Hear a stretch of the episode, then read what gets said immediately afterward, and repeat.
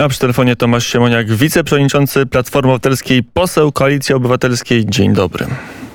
Dzień dobry panu, dzień dobry państwu. Wałbrzych, Warszawa to jest trasa, którą pan przemierza pewnie często, ale zanim do Wałbrzycha zajrzymy, to najpierw zajrzymy do Platformy Obywatelskiej. Co z deklaracją ideową się dzieje, panie pośle? Projekt jest gotowy. W czerwcu ma nad nim pracować zarząd. I tak jak rozmawiałem ostatnio z przewodniczącym Borysem Budką, jest plan, żeby na wrześniowej konwencji, bo tu innej możliwości niż takie przyjęcie, y, zapewne będzie ten dokument przyjęty. Mamy dużą satysfakcję po tych kilku miesiącach, bo rzeczywiście ponad tysiąc osób w dyskusji wzięło udział. Y, sądzę, że oczywiście deklaracje ideowe to nie są takie dokumenty, które przykuwają wielką uwagę publiczną, ale myślę, że ale jest warto, to żeby partia... dokument, będzie to dokument godny dwudziestolecia Platformy. Jacek Jaśkowiak mówi w wywiadzie dla Głosu Wielkopolskiego, że Platforma trochę nie wie, jaka chce być i w którą chce iść stronę. Teraz już będzie wiedzieć, już Państwo wiecie, kim jesteście, już będziecie mieli odpowiedź dla prezydenta Jacka Jaśkowiaka? Platforma wie, w którą stronę iść. Ta deklaracja ideowa ma wyznaczyć nowy etap. To jest dokument taki o tożsamości, kim jesteśmy. Natomiast no, ktokolwiek jest w Platformie, także prezydent Jacek Jaśkowiak, to wie, z jakich powodów się zapisał, jaki program realizuje, jacy ludzie są e, wokół niego. Myślę, że tutaj y, akurat y, jeśli chodzi o deklarację ideową, no to Jacek Jaśkowiak jakby będzie usatysfakcjonowany, tak, no bo będzie tam wyłożone kim jesteśmy, natomiast to nie znaczy, że z założonymi rękami trzeba czekać. Ale będzie Jakby... zadowolony z samego faktu, czy z tego kształtu i kim ma być Jacek Jaśkowiak jako, jako członek Platformy? Ja myślę, że będzie i z faktu, i z kształtu zadowolony. Y, Czyli to będzie liberalny Jeśli ma kształt. wątpliwości, to, jeszcze, to przecież no, rozmawiamy ze sobą, kontaktujemy się, telefonujemy do siebie. E, także y, w tym ostatnim etapie, gdy będzie chciał jeszcze zabrać głos, czy wnosić jakieś uwagi, y, to też może.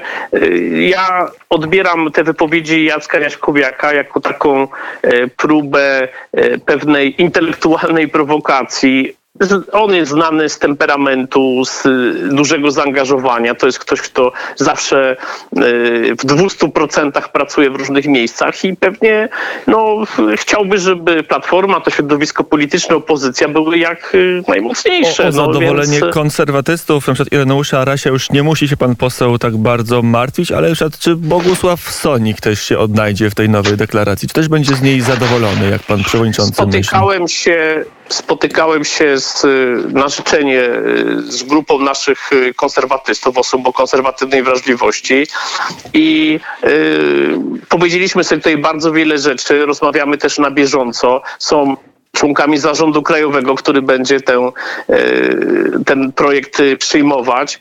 Więc e, ja jestem przekonany o tym, że e, to będzie deklaracja takiej platformy, jaka istnieje od 20 lat, właśnie ze skrzydłami, z różnymi wrażliwościami e, i także konserwatyści tam się doskonale odnajdą. To o czym pan redaktor wspomina, y, wykluczenie y, posła Ireneusza Rasia i Pawła Zaleskiego, jakby nie miało związku z ich y, jakby ideowymi tutaj skłonnościami, poglądami, przekonaniami, tylko dotyczyło pewnych zdarzeń wewnątrzpartyjnych i tutaj nie miało większego znaczenia, jakie kto ma poglądy, więc... Małopolski baron, nie mówiąc już o tym, że... Miszalski mówił, że Ireneusz Raś coraz mniej pasuje do Platformy, że przychodzi młode pokolenie, które ma już inną wrażliwość, inne pomysły na świat niż, niż starzy konserwatywni, który, konserwatyści, których Ireneusz Raś uosabiał. No i niech się te poglądy ścierają, są w różnych pokoleniach w platformie ludzie o różnych wrażliwościach ideowych, politycznych. Więc to nie jest problem wieku. Wielokrotnie o tym rozmawialiśmy. Sam Rafał Trzaskowski mówi o tym, że ja potwierdzam, że są młodzi 70-latkowie i starzy 30-latkowie, że to jest kwestia zaangażowania, aktywności, takiego e, ducha, a nie e, wieku, który ma się w dowodzie osobistym. No ale pytanie, kto jest e, lepszy, czy ten starszy, czy ten młodszy i e, która przy, któ- któ- któ- które określenie jest bardziej wartościowe. No ale dobrze, to już, m, to już bardziej filozofia. Panie Przewodniczący Tomasz Miak w telefonie Radia Wnet, a kwestia związana z powrotem Donalda Tuska, to też jest temat, który się pojawia w rozmowach w Platformie. Temat zamknięty to jest tak, że Donald Tusk już nigdy nie będzie szefem Platformy, nigdy nie będzie kandydatem Platformy na premiera chociażby, technicznego na przykład. Jest takie powiedzenie, że nigdy w polityce się nie powinno mówić nigdy, więc y, na pewno y, wszystko jest możliwe, także powrót Donalda Tuska. Natomiast y, muszą być pewne okoliczności do tego, żeby taki powrót y, następował.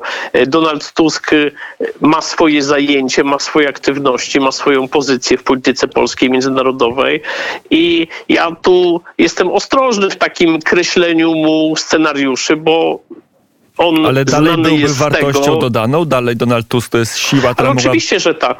Ale oczywiście, że tak, jest siłą dla Platformy, opozycji, jest siłą dla Polski, A dla nie jest polskiej polityki. Nie jest tak, że Jarosław Kaczyński wymarzyłby sobie powrót Donalda Tuska, żeby mieć się z kim boksować? Że to jest taka osoba, która z twoim doświadczeniem i bagażem decyzji już jest bardziej ciężarem niż atutem? No, póki się we dwóch boksowali, to raczej Jarosław Kaczyński tę walkę przegrywał, więc y, myślę, że Jarosław Kaczyński bardzo się obawia powrotu Donalda Tuska, jego siły doświadczenia i także y, tej legendy kogoś, kto z nim wygrywał, począwszy od y, słynnej debaty telewizyjnej, a potem przez y, osiem kampanii A wyborczych. Platforma bardzo tęskni?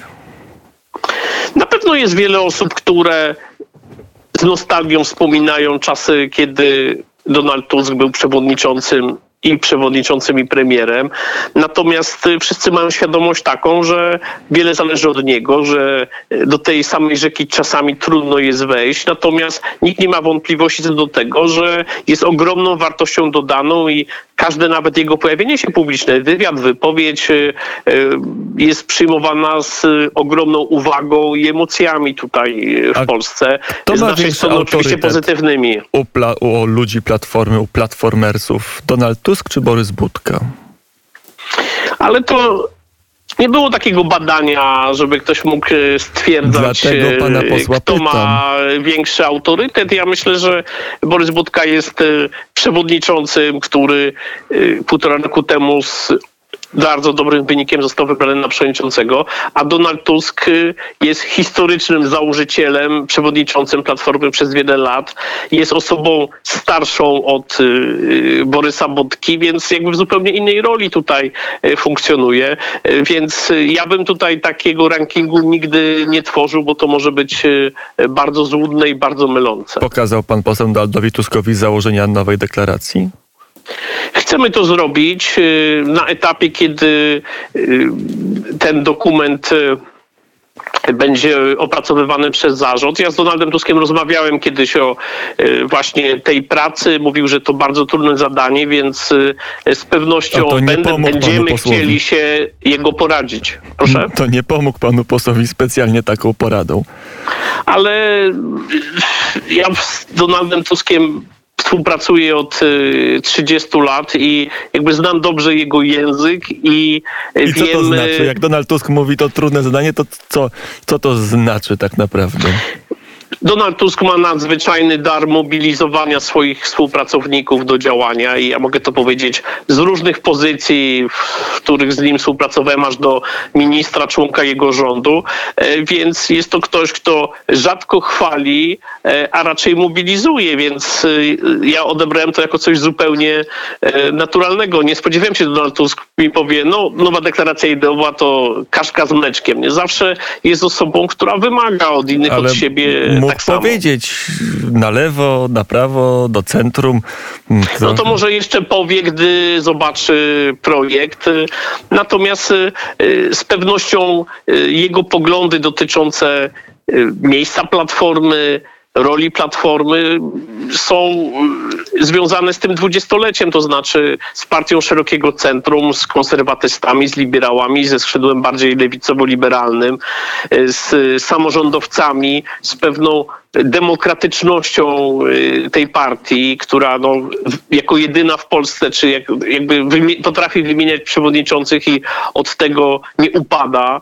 Y, Więc y, ja myślę, że myślimy bardzo podobnie i, i to, co położymy na stole, będzie bliskie Donaldowi Tuskowi. Oczywiście można szukać jakichś lepszych sformułowań, może czegoś jest za dużo, a czegoś za mało, natomiast to jest deklaracja takiej platformy, jaką stworzył 20 lat temu Donald Tusk z Maciejem Płażyńskim i Andrzejem Olechowskim. No, Maciej Płożyński e, potem też odszedł, zresztą, zresztą mm, drugi z trzech tenorów również, ale to już historia. A, a pan poseł użył, Tomasz Siemoniak przy telefonie Radia Wnet, wiceprzewodniczący Platformy Poseł Koalicji Obywatelskiej z mm, Wałbrzycha.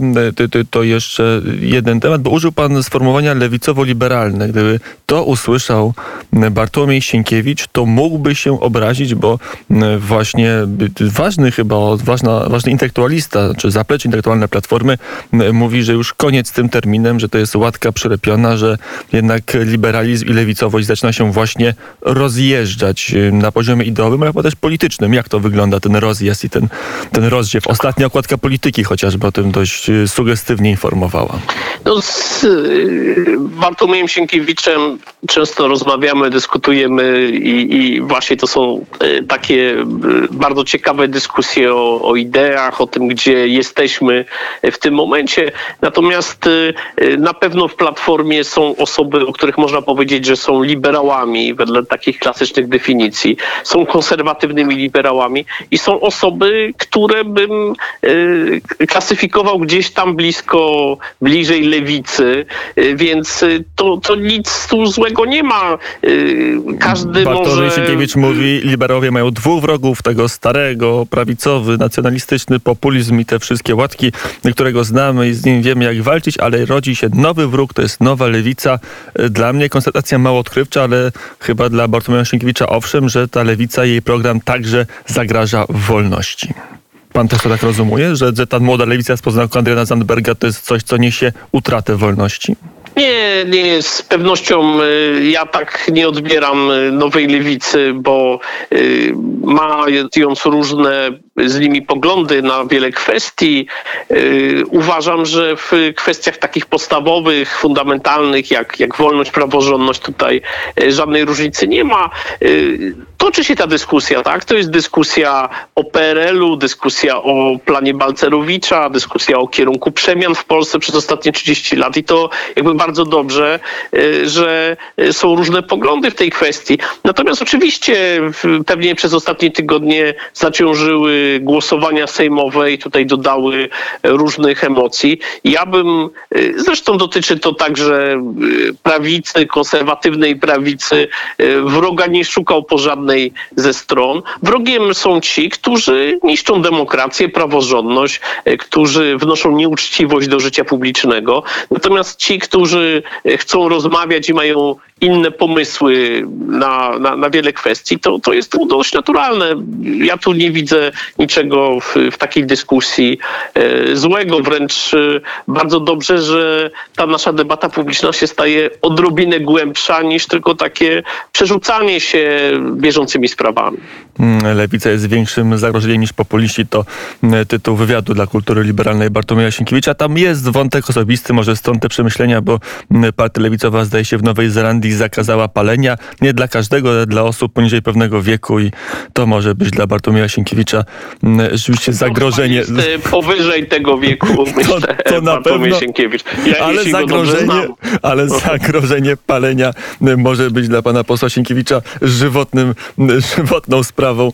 Y, Zresztą dla Krzysztofa Kronskiego chociażby y, również. No dobrze, to y, ty, ty, tyle idei i tyle żartów. Wróćmy jeszcze na koniec y, do polityki. Y, Grzegorz Schedyna mówi, że Platforma musi budować szerszy y, front. Y, To tak się skończy, że, że w wyborach parlamentarnych za dwa lata z lekkim okładem wystartuje znowu jakaś duża koalicja, że znowu zmieścicie się razem na jednej liście z PSL-em i z Lewicą chociażby?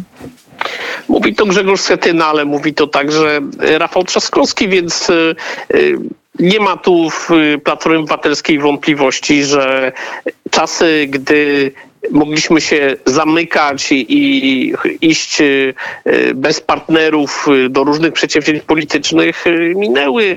Platforma zresztą, nawet gdy nie rozszerzała się o inne podmioty, to zawsze e, przyjmowała, zapraszała wiele osób e, z różnych środowisk e, na swoje listy, więc takie ciągłe rozszerzanie się i ciągła zmiana są jakby wpisane w taki Ale zmiana na, na tyle istotna, że zniknie nazwa Platforma, że sztandar No przecież, wyprowadzicie i się pojawi jakiś no- nowy, już była Koalicja Europejska, Obywatelska Koalicja, że to jednak coś cały czas się metamorfozujecie, przynajmniej w nazwie No się właśnie, zmieniacie. dlatego, że skoro mamy partnerów, poważnych partnerów, no to oni chcą zachować swoje szyldy i podmiotowość, więc potrzeba y, nazwy, która jest szersza, tak jak właśnie Koalicja Obywatelska. Dla nas to słowo obywatelska czy słowo europejska w koalicji na wybory do Parlamentu Europejskiego było, y, było bardzo ważne, więc y, ważniejsze niż nazwy są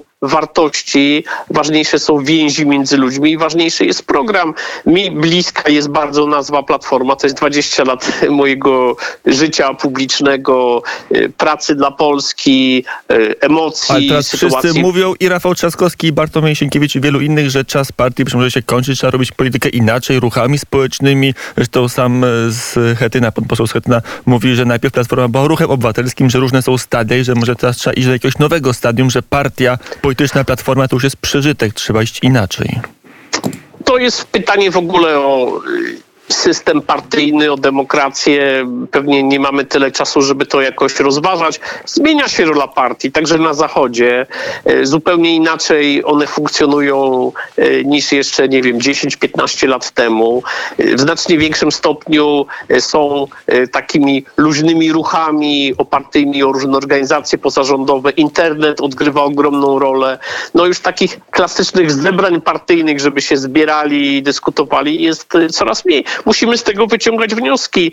Y, Inaczej musimy tutaj funkcjonować. Natomiast y, y, można się różnie nazywać, natomiast esencją demokracji są partie polityczne. Mogą być uważane za ruchy polityczne czy za jakieś jeszcze inne emanacje poglądów wyborców, natomiast tak naprawdę y, wszystko się kończy przy urnie wyborczej, przy różnych listach, przy różnych programach i różnych osobach, Y, więc y, to trzeba wzmacniać, tak? Znaczy, żeby partie, ruchy, jakkolwiek je nazwać, były jak najmocniejsze, demokratyczne i żeby wyborcy mieli wybór przy urnie, jaką drogą chcą, żeby ich kraj szedł. Mm, Jak Platforma wychodzi ze sprawy środków europejskich i głosowania nad zwiększeniem zasobów własnych Unii Europejskiej? Wzmocniona, osłabiona, ośmieszona? Pokazaliśmy, o co nam chodzi w tym wszystkim. Y, Na Pokazaliśmy, że jesteśmy blisko samorządów i, i tak naprawdę przedstawialiśmy ich y, postulaty. Ja uważam, że w tej sprawie zrobiliśmy wszystko, jakby co trzeba, a taką puentą do całej sytuacji Było głosowanie poganiania w Senacie. Senatu jest to, że rząd poprosił Unię Europejską, Komisję Europejską o przedłużenie oceny Krajowego Planu Odbudowy. Oczywiście lepiej by było, bo to nie dotyczy naszego stosunku do y, ustawy ratyfikacyjnej i Krajowego Planu Odbudowy, tylko dotyczy kwestii jedności opozycji, współdziałania opozycji. Tutaj oczywiście wychodzimy z tej sytuacji z dużym dyskomfortem. Natomiast y, próby wmawiania, że jesteśmy antyeuropejscy, że nie chcemy tych pieniędzy, no to przecież są absurdalne. Mm, To prawda, chociaż są kraje w Unii Europejskiej, które mają znacznie większe trudności z wydawaniem środków europejskich i transparentnością. Tam nie było pomysłu strony opozycji, żeby jakieś preambuły dopisywać, poprawki zgłaszać. Tam przyjęto mm, szybciej niż w Polsce i jednobrzmiące Ale- uchwały nawet ale Bułgarzy, opozycja państwo, bułgarska dlatego- ma się czego martwić, włoska, węgierska. Jest wiele krajów, gdzie się pieniądze europejskie są faktycznie defraudowane. Ale pa, panie redaktorze, szanowni państwo, tak się dzieje w Polsce dzięki temu, że głównym e, realizatorem wydawania pieniędzy europejskich są samorządy w Polsce. Taka decyzja kilkanaście lat temu została podjęta i dlatego e, jest e, Polska w czołówce, a w tych planach dotyczących KPO, czyli planu odbudowy, właśnie samorządy zostały, ich rola zredukowana do bardzo minimalnej. Myśmy to właśnie postulowali, więc chcemy, żeby było dobrze i transparentnie, tak jak do tej pory, a jest ryzyko, że to się zmieni. Myśmy postulowali, żeby 40% środków właśnie y, było w gestii samorządów, a nie tylko, żeby 30. samorządy były y, My prostowaliśmy 40, ostało się 30, ale no przecież to jest jasne, że y, samorządy się sprawdziły jako ci, którzy te pieniądze wydają i które wiedzą, na co te pieniądze kierować lepiej niż y, urzędnicy z centrali. Więc no zobaczymy, y, ten proces się zaczyna, będzie trwał wiele lat. Oby defraudacji i braku przejrzystości było tutaj jak najmniej, bo to jest nasz wspólny interes. No, ja jestem A jak najdalszy od zasady, im gorzej, interesu tym lepiej. e, kopalnia Turów, do tego Wałbrzycha zapowiadanego przez całą audycję w końcu e, dojdźmy i nad nim skończmy. Jest już jakiś konsensus, że jednak wszystkie partie polityczne będą jakoś kontestować wyrok, czy decyzję, przepraszam, decyzję, jednoosobową decyzję Trybunału Sprawiedliwości Unii Europejskiej o zamknięciu tamtejszej kopalni? Ja wiem, że to Ale wina rządu, rozmów- ja wiem, że to wszystko rozumiem, ale chodzi o taki polityczny wydźwięk, że jednak być może pani sędzia popełniła błąd, e, podejmując swoją decyzję, trochę kuriozalną.